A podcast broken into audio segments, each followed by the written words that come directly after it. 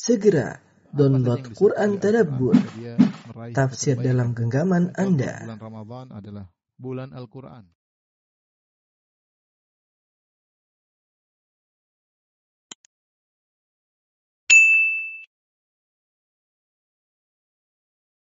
Bismillahirrahmanirrahim. Assalamualaikum warahmatullahi wabarakatuh.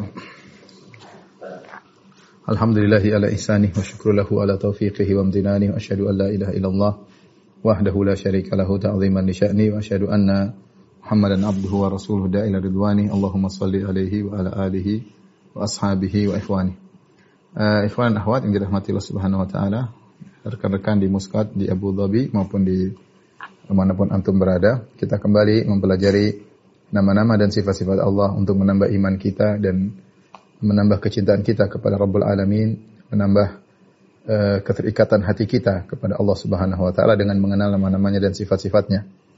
Uh, sebagaimana dikatakan man kana lil- billahi a'raf, siapa yang lebih kenal Allah Subhanahu wa taala, kana bihi akhwaf, maka dia akan kana minhu akhwaf, maka dia semakin takut kepada Allah Subhanahu wa taala. Uh, wa bi ibadatihi atlab, semakin semangat untuk beribadah wa an ma'siyatihi ab'ad wa an ma'siyatihi ab'ad dan semakin jauh dari bermaksiat kepada Allah Subhanahu wa taala. Adapun orang yang semakin jahil, semakin tidak tahu dari al- tentang Allah Subhanahu wa taala, maka tentu dia tidak takut kepada Allah, tidak begitu semangat beribadah dan berani bermaksiat kepada Allah Subhanahu wa taala. Ya, sehingga pembahasan tentang eh, nama-nama Allah dan sifat-sifatnya ini benar-benar langsung menambah keimanan ya karena kita sedang berbicara tentang Rob yang kita ibadahi. Pada kesempatan kali ini kita akan bahas eh, dua nama yang mulia yaitu Al-Karim Al-Karim dan Al-Akram. Al-Karim Al-Akram. Eh, yang mananya adalah Maha Maha Mulia ya, Maha Mulia. Eh, datang dalam Al-Qur'an dan juga dalam sunnah Nabi Shallallahu Alaihi Wasallam dalil-dalil dari Al-Quran ada tiga ayat ya. Eh, yang pertama dalam surat An-Naml ayat 40, "Wa man syakara fa innama yashkuru nafsi wa man kafara fa inna rabbi ghaniyyun karim." Wa man kafara fa inna rabbi ghaniyyun karim. Siapa yang bersyukur, maka dia bersyukur untuk dirinya sendiri. Siapa yang kufur, maka Rabbku maha kaya dan maha mulia. Siapa yang kufur, atau yang kafir, sungguhnya Rabbku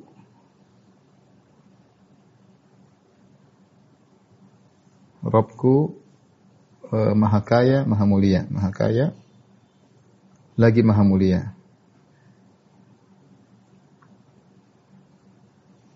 Eh, sebelumnya sebelum kita melanjutkan Ibnu Qayyim rahimahullah menjelaskan digabungkan antara ghaniyun dengan karim. Ya.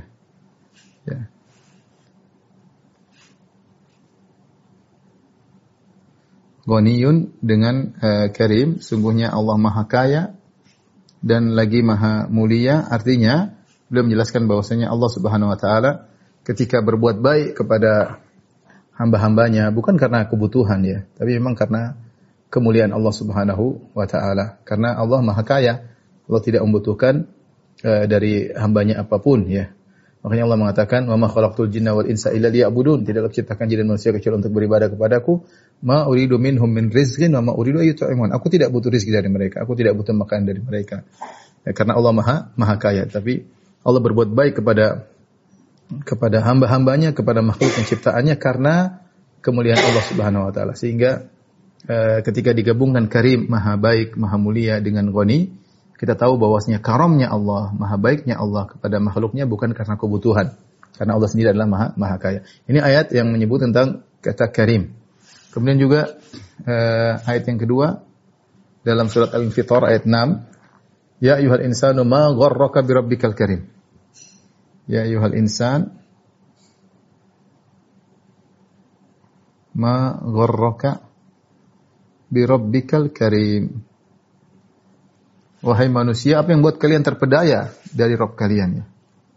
Apa yang buat kalian, wahai manusia?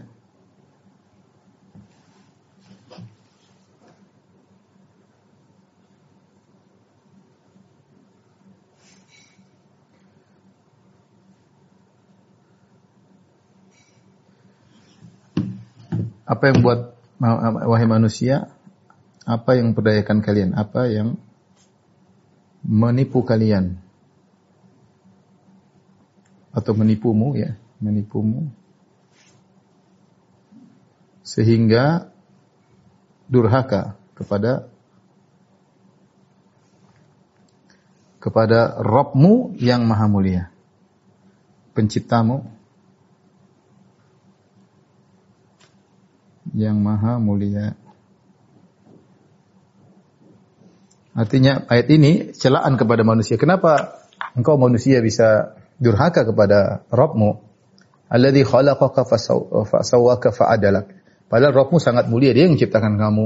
Dia yang menyempurnakan ciptaanmu, dia yang uh, apa namanya? menyeimbangkan menyeimbangkan ciptaanmu ya. Dia beri rezeki kepadamu, beri segalanya. Kenapa kau bisa durhaka? Ini pertanyaan ya, ya, yang artinya Allah mengingatkan kepada manusia, kok bisa engkau durhaka kepada Rabb yang menciptamu. Ini di sini Allah mensifati dirinya dengan ma gharraka bi rabbikal karim, Rabbmu yang maha mulia. Penciptamu yang maha mulia. Kemudian ayat yang ketiga uh, yang ketiga firman Allah Subhanahu wa taala dalam surat Al-Mu'minun ya. Fata'ala Allahul Malikul Haq la ilaha illa huwa Rabbul Arsyil Karim ya. Ayat yang ketiga La ilaha illa La ilaha illa huwa Rabbul Arsyil Karim. Rabbu Al-Arsyil Karim. Tidak ada yang berhak disembah kecuali Allah. Dialah penguasa Al-Arsh Al-Karimu. Ini Rabbu Al-Arsy Al-Karimu. Nah, di Al-Karim di sini ada dua uh, kiroah di Al-Karim. Ada dua kiroah. Ada kiroah Al-Karimu, ada kiroah Al-Karimi. Kalau dia Al-Karimu, maka dia adalah sifat daripada arsh. Kalau dia Al-Karimu, maka dia sifat daripada Rabb. Ya. Nah, kalau kita baca La ilaha illa huwa Rabbul arshil karimu, maka ini Al-Karim adalah sifat daripada Rabb. Al-Karim adalah uh, sifat dari Maha Kaya. Itu Rabb yang Maha Kaya, yang Maha Mulia. Pemilik arsh yang Maha Mulia. Adapun kalau kita baca Al-Karimi berarti yang disifati dengan mulia adalah arsh tersebut ya. Ini dalam Al-Qur'an. Uh, kemudian uh, ayat pertama, ayat kedua, ayat ketiga. Adapun ayat keempat terkait dengan Al-Akram. Al-Akram adalah uh, dalam surat Al-Alaq. Iqra bismi rabbikal ladzi khalaq. Khalaqal insana min 'alaq. Iqra wa rabbukal akram. Iqra wa rabbukal akram. Bacalah demi nama, nama Tuhanmu yang termulia. Yang termulia. Subhanallah. Ini dalil bahwasanya di ayat pertama atau surat pertama yang turun itu bagian daripada surat Al-Alaq Allah mengatakan Iqra bismi rabbikal ladzi khalaq. E, bacalah dengan menyebut nama Tuhanmu yang menciptakan. Iqra bismi rabbikal ladzi khalaq. Khalaqal insana min 'alaq. Yang menciptakan manusia dari e, al-alaq. Iqra wa rabbukal akram. Bacalah dengan menyebut nama Tuhanmu yang al-akram. Di sini subhanallah berarti nama-nama Allah yang pertama kali Rasulullah SAW dengar dari Al-Quran adalah uh, Al-Akram sebagai sifat daripada Rabb. Iqra wa rabbukal akram uh, dan bacalah dan sungguhnya Tuhanmu adalah Al-Akram yang maha maha termulia, yang maha termulia. Isyarat bahwasanya uh, inilah nama yang pertama kali ditampakkan oleh Allah kepada Nabi sallallahu alaihi wasallam uh, untuk menunjukkan bahwasanya Tuhan yang merintahkan engkau untuk membaca surat ini adalah Tuhan yang termulia ya. Tuhan adalah yang yang termulia. Seluruh gambaran kemuliaan maka dialah yang paling termulia ya sebagai gambaran tentang sifat-sifat Allah yang yang lainnya ya. Jadi ini yang pertama kali atau kita katakan nama Allah yang pertama didengar oleh Rasulullah SAW disampaikan kepada pada Rasulullah. Tentu selain Rabb ya karena Iqra uh, bismi rabbikal ladzi khalaq. Rabb di situ uh, Tuhanmu, tapi ketika sebut nama Al-Akram. Tapi dari Al-Qur'an Baik, yang berikutnya dalil daripada sunnah.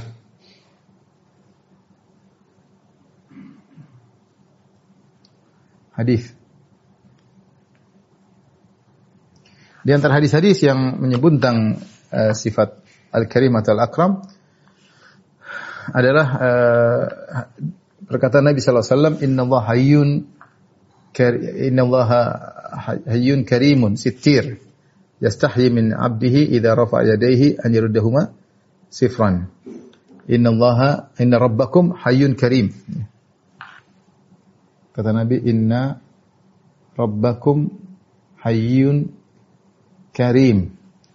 Yastahyi min 'abdihi idza rafa'a yadayhi an yuruddahuma sifran. Sungguhnya Rabbmu sungguhnya Rabb kalian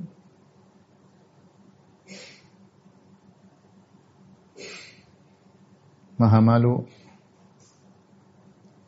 dan maha mulia. Ya, maha mulia. Eh, jika hambanya mengangkat kedua tangannya, lantas Allah mengembalikan kosong kedua tangannya. Jika hambanya mengangkat kedua tangannya kepada Allah, Allah mengembalikan kosong. Allah malu. Malunya Allah Subhanahu wa taala bukan karena eh, kekurangan tetapi karena karimnya Allah, karena mulianya Allah, seakan-akan tidak pantas bagi Allah, tidak layak bagi Allah yang maha mulia, lantas kalau ada yang minta Allah tidak kasih. Itu maksudnya. Maksud malu di situ ya. Tidak tidak pantas bagi Allah yang saking mulianya, saking baiknya, kemudian ada yang minta kemudian Allah tidak kasih, maka tidak pantas bagi Allah Subhanahu wa taala. Ya, ini di antara uh, datang dalam hadis. Datang dalam hadis, tapi lafal ini lafalnya syad atau tidak tidak tidak terdapat dalam uh, dalam nuskah-nuskah buku-buku hadis. Namun termaktub dalam nuskah Tirmidzi yaitu doa Aisyah radhiyallahu anha ketika uh, Lailatul Qadar. Aisyah bertanya, "Ya Rasulullah, in in in, in, in ra'aitu in, in alimtu anna lailah lailatul qadar in alimtu anna lailata lailatul qadar madza aqulu fiha? Ya Rasulullah kalau aku tahu suatu malam malam lailatul qadar apa yang aku bacakan? Apa aku pinta kepada Allah? Maka Rasulullah Rasulullah SAW berkata quli katakanlah Allahumma innaka afuwun tuhibbul wa'fu anni sungguhnya Allahumma innaka afuwun tuhibbul afwa fa'fu anni. Ya Allah, sungguhnya Engkau Maha Afu, yang Maha uh. Engkau mencintai pemaafan maka ampunilah aku. Ini riwayat yang sahih. Dalam sebuah tambahan di sini ada afuun karim. Jadi disebut afuun karimun. Ini dalam riwayat Tirmidzi ada tambahan karim. Namun tambahan ini syadz atau hanya apa tambahan uh, tidak di apa tidak tambahan ini tidak sahih.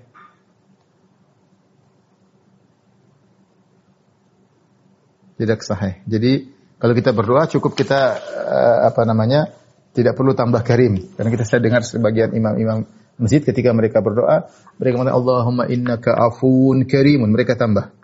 Ya Allah innaka afuun karimun tuhibbul afwa fa'fu anna. Allahumma innaka afuun tuhib karimun tuhibbul afwa anna. Secara secara makna tidak mengapa tetapi secara valid apa apakah dia ada valid dari Nabi sallallahu alaihi wasallam? Jawabannya tidak ini di, di, diingatkan oleh Syekh Al-Bani rahimahullah dalam silsilah sahihah uh, bahwasanya tambah dalam nuskah Tirmizi ada karim maka ini tidak tidak sahih dan kita berusaha berdoa dengan lafal yang diajarkan oleh Nabi sallallahu alaihi wasallam kalau bisa plek persis seperti yang dibaca oleh Nabi maka itu yang uh, yang terbaik. Uh, jadi uh, ada ini tidak tidak sahih ada tambahan afun karim. Kemudian adapun akram adapun akram adapun akram Al-Akram datang dalam uh, doa sahabat. Dalam doa sahabat. Kalau nggak salah Ibnu Mas'ud. Sahabat ketika sa'i. Yang kita sering baca. Ini tidak dari Nabi SAW. Tapi boleh seorang baca. Rabbi gufir warham. Innaka antal a'azul akram. Rabbi gufir warham. Wa tajawaz innaka antal a'azul akram. Ketika sa'i. Innaka anta al-a'azul Al-Akram. Sungguhnya ya Allah ampunilah uh, aku dan rahmatilah aku sungguhnya engkau maha perkasa wal akram dan engkau adalah maha yang termulia.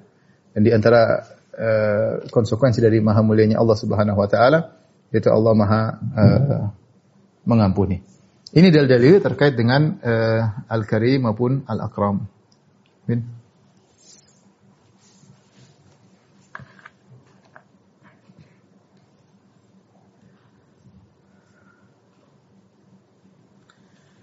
Eh, adapun makna Al-Karim atau Al-Akram, ya.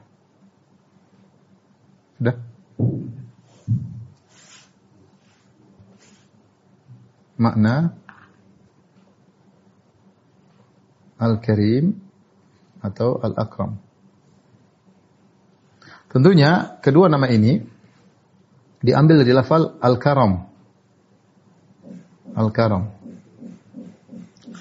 Dan Al-Karam uh, dijelaskan oleh Syekh Abdul Razak Hafizahullah Ta'ala. Beliau saya, saya bacakan dalam kitab uh, Fiqhul Asmaul Husna halaman 187.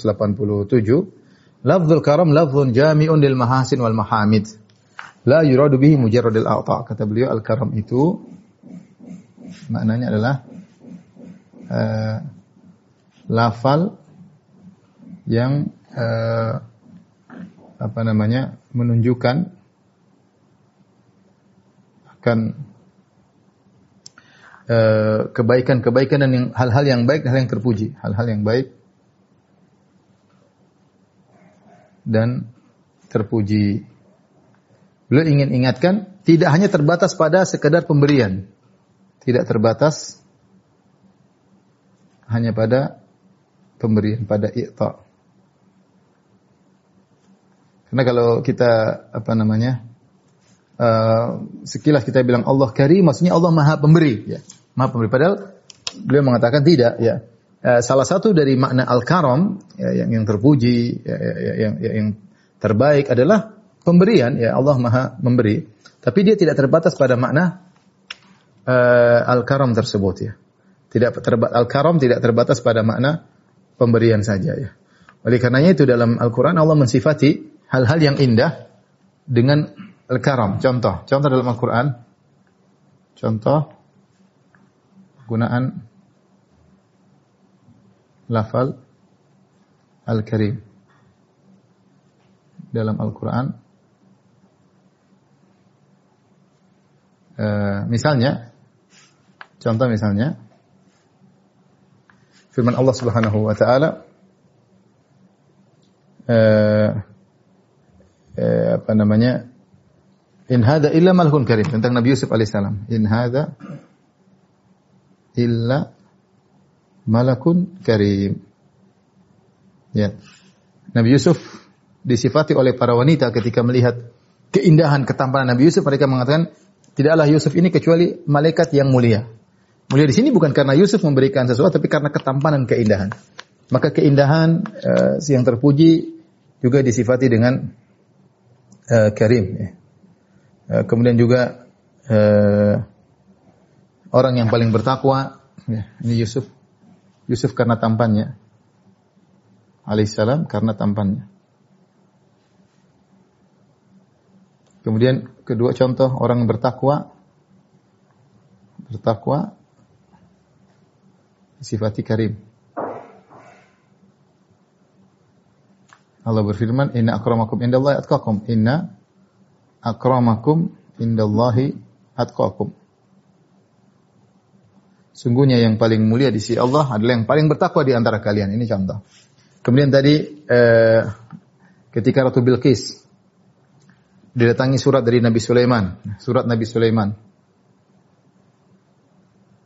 alaihissalam. Disebut juga dengan karim. Inni uh, utiya ulqiya ilayya kitabun karim. Ulqiya ilayya kitabun karim. Dalam surat An-Naml, innahu min Sulaiman wa innahu bismillahirrahmanirrahim. Lihat surat surat suratnya Nabi Sulaiman, ini surat yang mulia Kenapa mulia? Ada khilaf di kalangan para ulama mengatakan tulisannya indah, ada yang mengatakan isinya indah, ada isinya. Intinya disifati. Jadi maksud saya makna karam bukan cuma hanya memberi, tapi semua keindahan, semua kebaikan disifati dengan uh, karam. Demikian juga dalam ayat tadi salah satu kiroah ya La ilaha illa huwa rabbul arshil karim. Kira yang satunya. Ya. Arsh yang mulia. La ilaha illa huwa rabbul Arsy Al-Karim dengan qiraah uh, apa kasrah. Sifat daripada arsy yang uh, yang mulia. Uh, Quran juga disifati dengan Quranun Karim. Al-Quran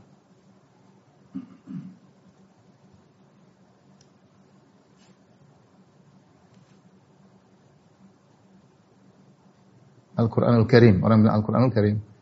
Quranul Karim.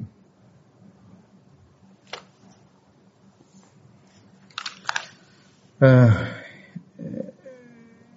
ini eh, di antara artinya uh, sebut karam ya digunakan pada uh, selain sifat Allah juga uh, di disifati pada selain Allah Subhanahu wa taala yang ini semua menunjukkan ya seperti Nabi Yusuf juga dikatakan bahwasanya akramun nas Yusuf orang yang paling mulia Yusuf alaihissalam. Kenapa nasabnya yang paling yang paling tinggi? Karena dia adalah nabi, putra nabi, putra nabi, putra nabi. Sampai empat uh, uh, apa namanya empat empat generasi nabi semua. Kemudian malaikat juga disifati dengan uh, karim, kiroman katibin. Malaikat-malaikat yang mulia ya.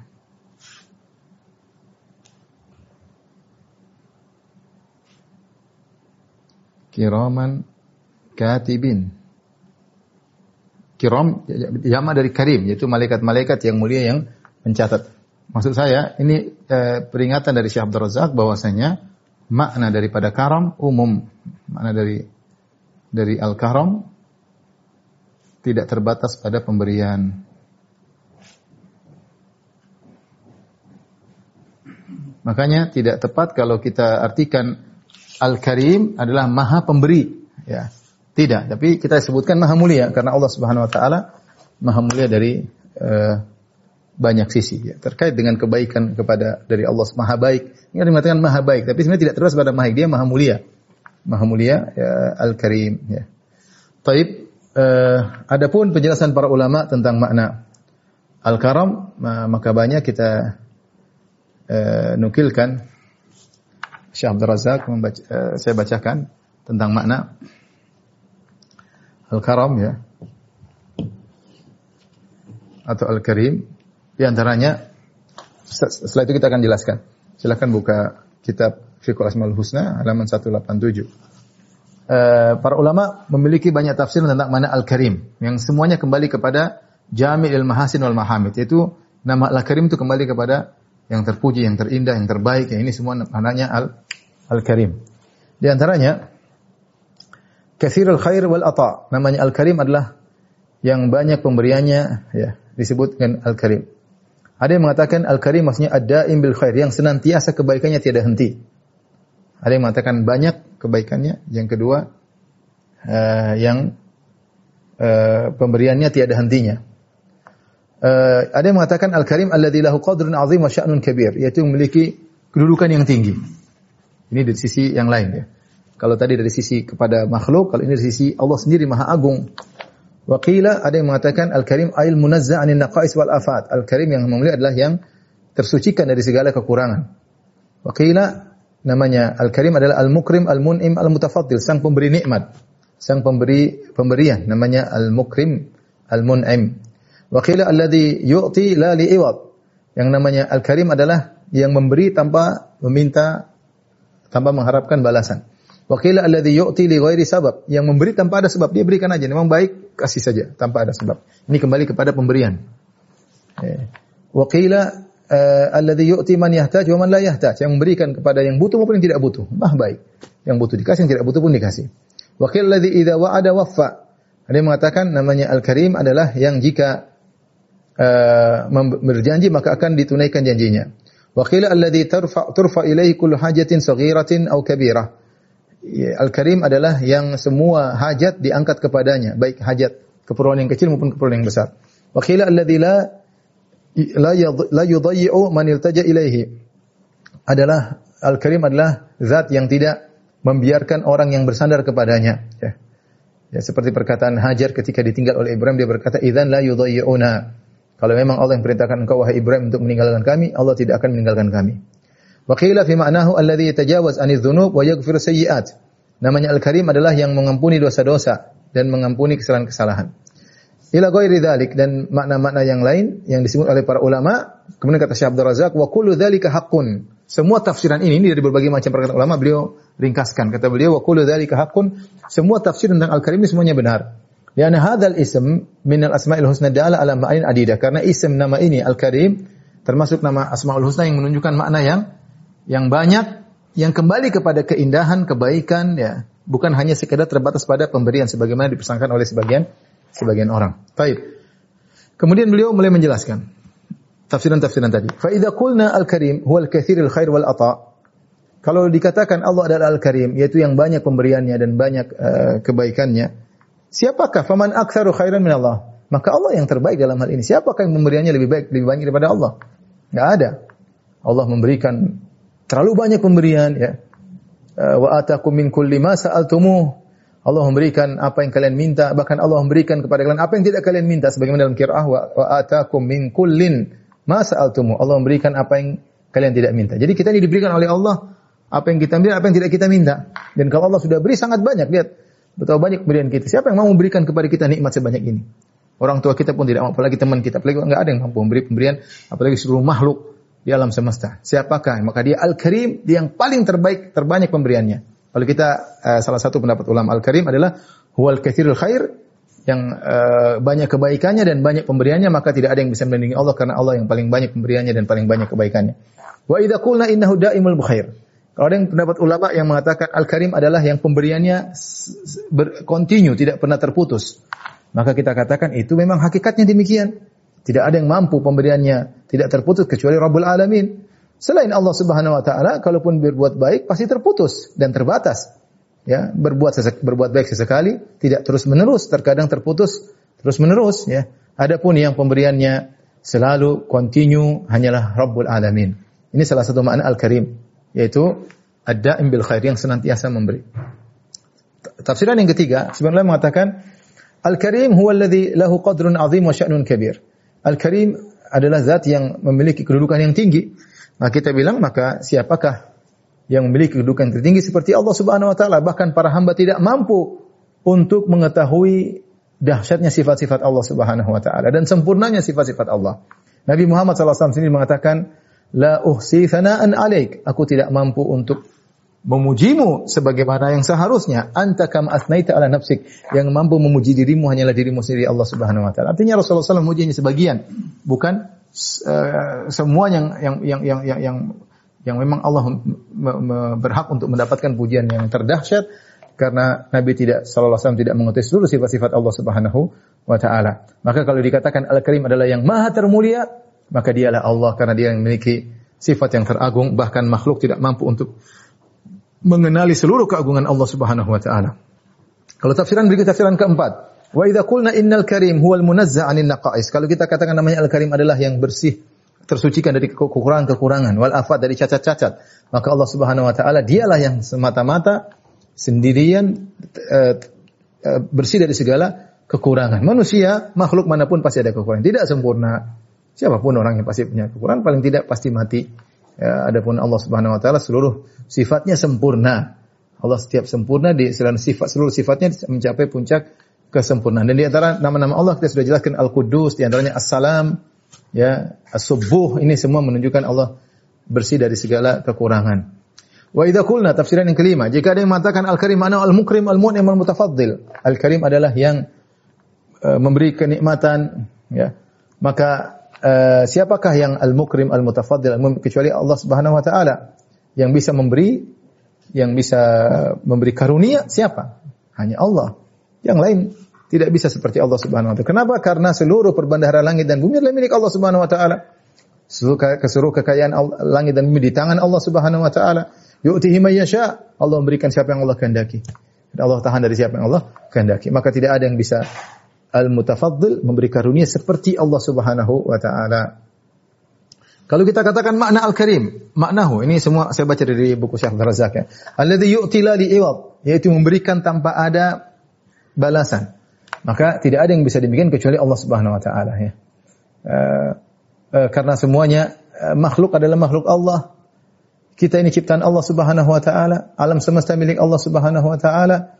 Pemberian semua adalah dari Allah Subhanahu wa taala. Segala kenikmatan dari Allah Subhanahu wa taala. Allah tidak butuh dengan balasan sama sekali. Wong kita yang cipta adalah yang ciptakan kita adalah Allah Subhanahu wa taala. Dan ma ma manusia tidak bisa beri manfaat kepada Allah dan tidak bisa beri mudarat kepada Allah Subhanahu wa taala. Maka Allah memberi tanpa ada butuh balasan sama sama sekali. Ya. Sedikit pun kan Allah tidak tidak butuh kepada siapa pun. Justru kita ini butuh kepada Allah dan kita ini semua kembali kepada Allah Subhanahu wa taala. Makanya Allah mengatakan Waman syakara fa innama yashkuru nafsih. Siapa yang bersyukur itu untuk dirinya sendiri, bukan untuk Allah Subhanahu wa taala. Waman kafara, siapa yang kufur fa inna rabbi ghaniyyun karim. Sungguhnya Rabbku Maha mulia dan Maha kaya. Jadi Allah memberi tidak butuh dengan apa pun dari makhluknya, justru makhluknya yang butuh kepada Allah Subhanahu wa taala. Wa idza qulna ma'nahu alladhi yu'ti li ghairi sababin. Namanya Al-Karim. Jika kita katakan Al-Karim maknanya adalah yang memberi tanpa sebab, maka dialah Allah.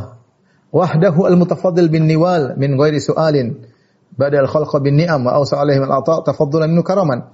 Dan Allah tanpa sebab Allah uh, ciptakan manusia, Allah berikan dia nikmat ya.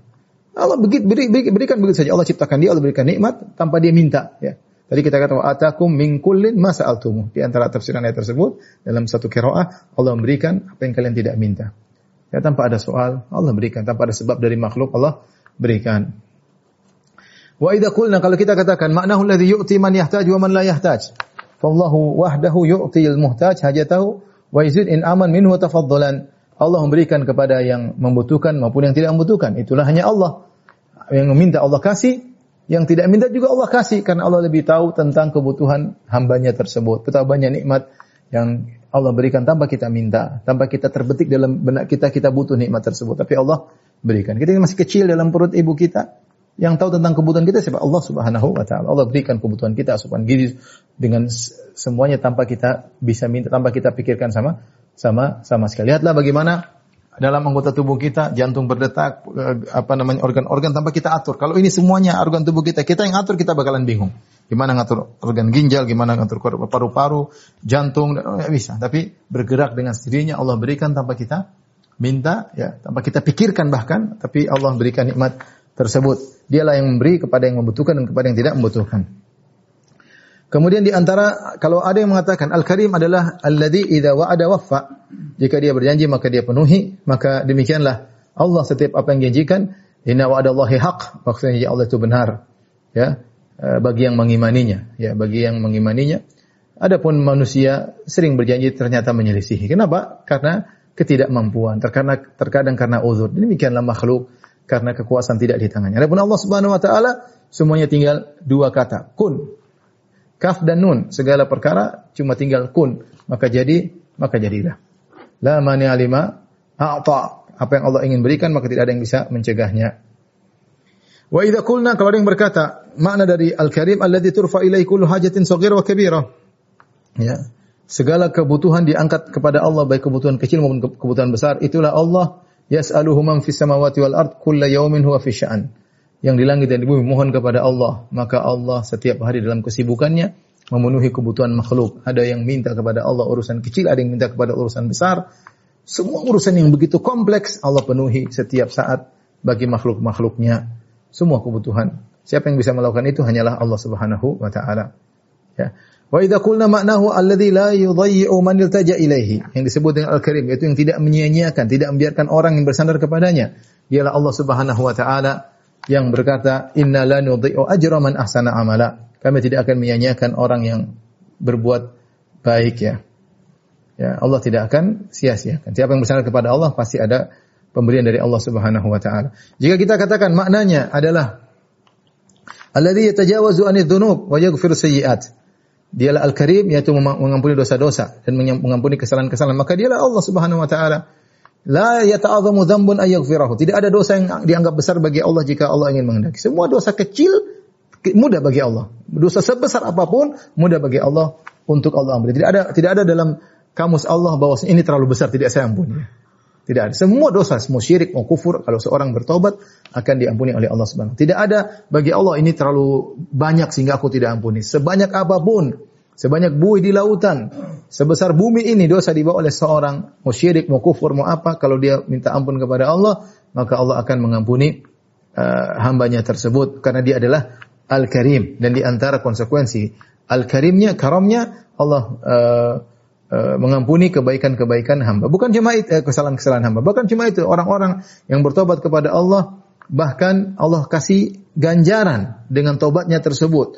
Tobatnya dijadikan nol, kemudian Allah Subhanahu wa taala memberikan ganjaran dengan menjanji, menjanjikannya surga ya. Bahkan dalam sebagian ayat ulaikal yubaddilullahu sayyi'atihim hasanat. Bahkan sebagian hamba-hamba Allah yang bertobat kepada Allah dosa-dosanya dirubah menjadi kebaikan-kebaikan. Inilah di antara uh, sikap karam Allah Subhanahu wa taala ya. Dan uh, inilah uh, akhir dari apa yang disampaikan oleh Syekh Abdul Razak dan Syekh Abdul Razak menukil dari buku Al-Asna fi Syarh Asma'il Husna karya Al-Qurtubi uh, rahimahullahu taala. Baik, apa faedah dari kita mengenal nama Al-Karim dan Al-Karam? Tentunya banyak faedah dari mengenal nama Al-Karim dan Al-Karam. Di antaranya kita uh, tidak pernah suudzon kepada Allah Subhanahu wa taala karena kita tahu Allah Maha baik. Kalau kita gambarin dalam hati kita, kita tahu ada manusia terbaik, tenang dia baik sekali. Kita kan punya teman, ini orang baik sekali, jangan khawatir. Ya, kita tahu dia baik, kita ya Allah lebih baik daripada itu. Ibu kita baik, ayah kita baik, Allah lebih baik daripada daripada itu. Al-Karam. Ya. Dia tidak ragu-ragu kalau bertobat untuk kembali untuk uh, berdosa untuk bertobat kepada karena Allah adalah Al-Karam. Allah Maha uh, Maha baik.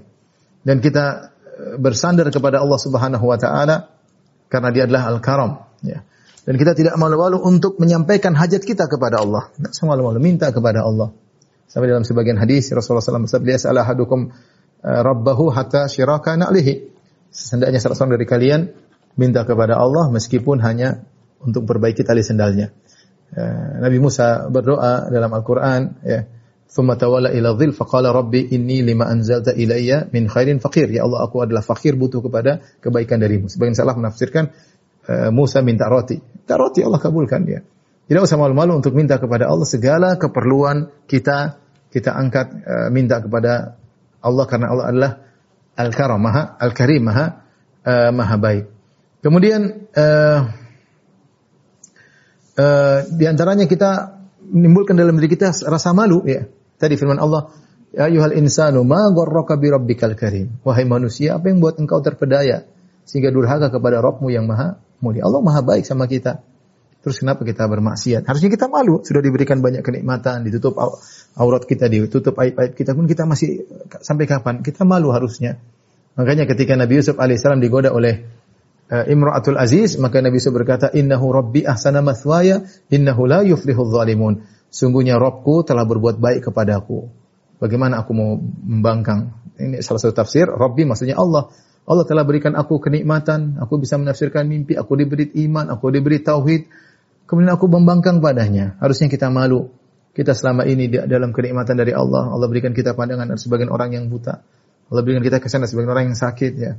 Allah berikan kita rumah, berikan kita istri, berikan anak, kemudian kita membangkang kepada Allah. Nah, kalau kita tahu Allah Maha baik, harusnya kita malu bermaksiat kepada Allah Subhanahu wa taala. Dan di antaranya uh, apa namanya? Kita berusaha memiliki sifat al-karam. Karena Allah Allah jamil yuhibbul jamal. Allah uh, apa namanya? Uh, maha maha indah, suka dengan keindahan. Allah afu adalah maha mengampun dan Allah suka dengan orang-orang yang mengampuni. Dan Allah adalah uh, sakhi, orang Allah adalah karim, Allah adalah maha baik, Allah suka dengan orang yang muhsinin ya. Allah muhsin dan Allah yuhibbul muhsinin. Uh, dan di antaranya Allah karim, Allah maha baik, Allah suka dengan orang-orang yang baik pula. Maka seorang berusaha baik ya uh, agar dicintai oleh Allah Subhanahu wa taala. Demikian ikhwan dan akhwat yang Subhanahu wa taala apa yang bisa kita sampaikan dari makna al-karim ataupun al-akram. Uh, sebagaimana menyebutkan perbedaan antara al-karim al-akram, al-karim maknanya maha mulia, al-akram artinya yang termulia. Yang termulia. Artinya Al-Karim distinjau dari zatnya sendiri, artinya Allah secara zatnya karim, maha mulia. Dalam segala sisi zatnya, sifatnya, perbuatannya. Al-Akram jika dibandingkan dengan selain Allah maka tidak ada yang menandingi uh, kemuliaan Allah. Karena dia adalah Al-Akram yang maha termulia. Allah alam bisawab demikian saja apa yang saya sampaikan. Kurang ini maaf. Bila taufiq Assalamualaikum warahmatullahi wabarakatuh.